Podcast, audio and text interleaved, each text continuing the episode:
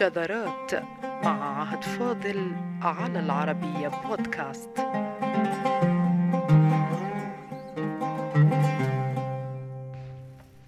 تعليم العربية.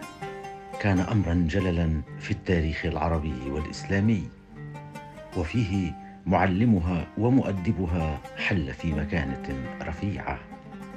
إنما أن يتقبل الخليفة أن يقوم ولداه بتقديم نعلي مدرسهما ومؤدبهما بأيديهما إليه فذلك من أكبر ما يمكن أن توصله العربية بصاحبها وهو من نوادر بيوت الحكم.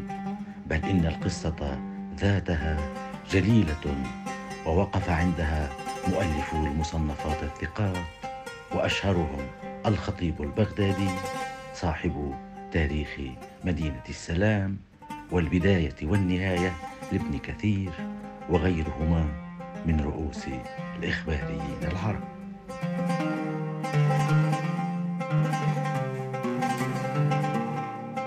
تقدير العربية وصل إلى هذا الحد وأوصل واحدا كالفراء اللغوي لأن ينال مجدا ما سبقه أحد إليه في هذا الصدد.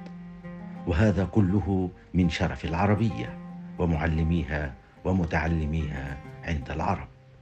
وقبل الولوج في الحكاية وهي ليست مجرد قصة بل من تاريخ العرب والمسلمين المحقق والمتفق عليه نتحدث عن شيء من الفراء اسمه ومكانته بين أهل النحو واللغة العربية.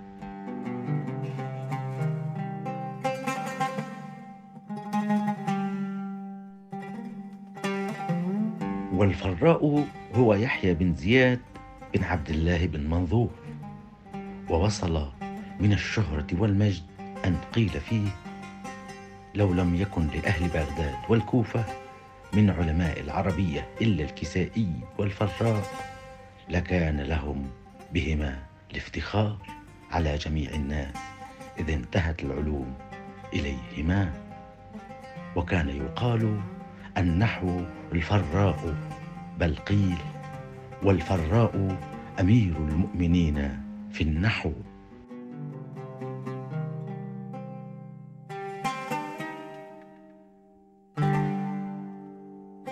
ونقل عنه صاحب تاريخ بغداد وكان ثقة إماما ويحكى عن أبي العباس ثعلب أنه قال لولا الفراء لما كانت عربية لأنه خلصها وضبطها ولولا الفراء لسقطت العربية لأنها كانت تتنازع ويدعيها كل من أراد ويتكلم الناس فيها على مقادير عقولهم وقرائحهم فتذهب.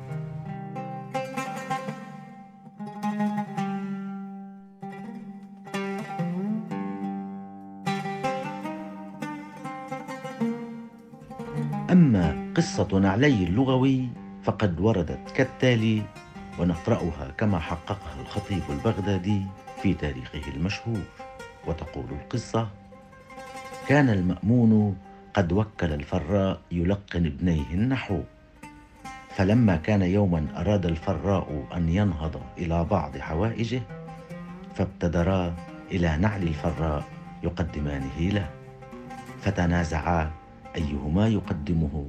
ثم اصطلحا على أن يقدم كل واحد منهما فردا فقدماها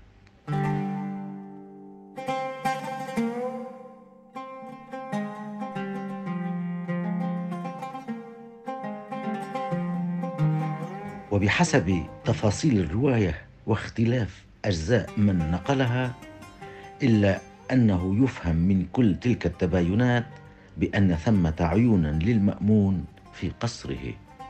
فقامت تلك العيون بنقل تلك الحادثة وبحذافيرها إلى الخليفة فهو موضوع كبير أن يقوم ولداه بحمل نعلي المعلم وتقديمها له وهما من هما؟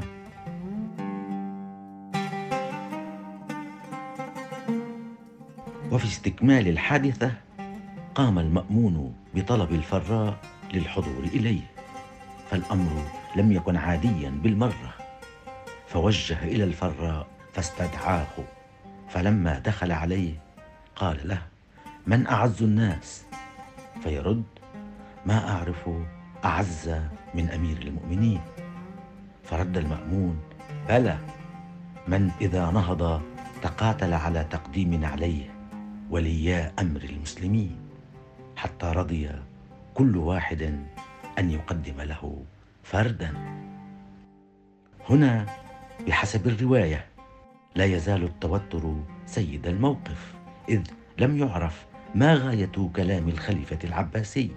فالموضوع جلل وهو أن ولديه قاما بتقديم نعل الرجل وهما وليا أمر المسلمين كما نبه الخليفة. هنا رد الفراء موضحا على الفور وبما يوحي ويؤكد جو التوتر السائد.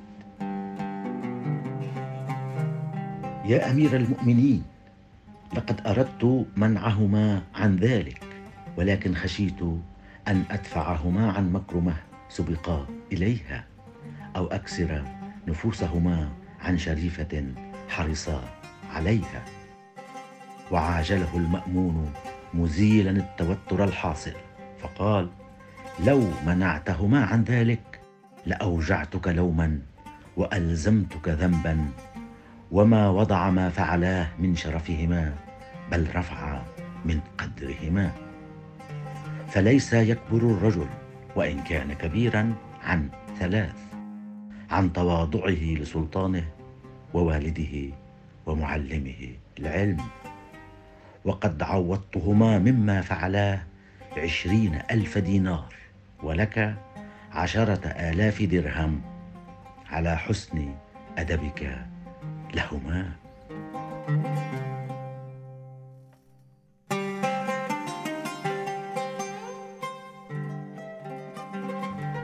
بلى أيها السادة إلى هذا الحد كان شرف العربية ومعلمها ومؤدبها يوصل صاحبه في تاريخ العرب والإسلام.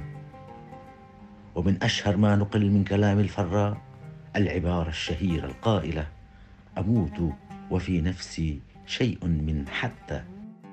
بسبب قيامها بعمليات الخفض والرفع والنصب معا في اللغة العربية. وكان من بين نقل التأنيث عجوز عند العرب فقال إن العرب كانت تؤنثها. عجوزة في كتابه المشهور المذكر والمؤنث. وفيه عرف أن الذهب كانت العرب تؤنثه أيضا وكلمات عديدة من لغات العرب التي نقل منها سمعت العرب تقول فرسة وعجوزة.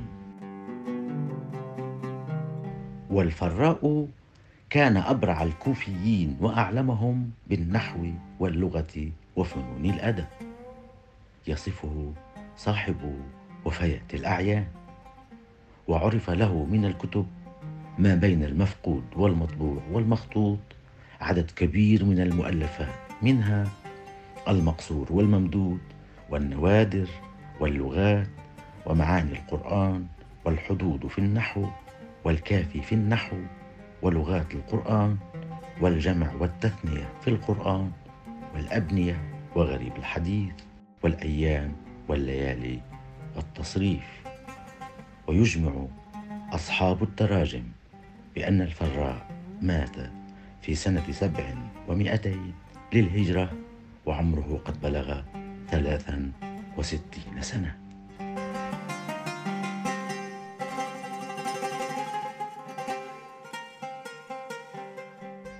ومما قيل في رثائه يا طالب النحو التمس علم ما ألفه الفراء في نحوه. أفاد من يأتيه ما لم يكن يعلم من قبل ولم يحوه. ستين حدا قاسها عالما أملها بالحفظ من شدوه. على كلام العرب المنتقى من كل منسوب إلى بدوه سوى لغات ومعان لقد أرشده الله ولم يغوه. فرحمة الله على شيخنا يحيا مع الأبرار في علوه فليس من يغلط فيما روى كحافظ يؤمن من سهوه.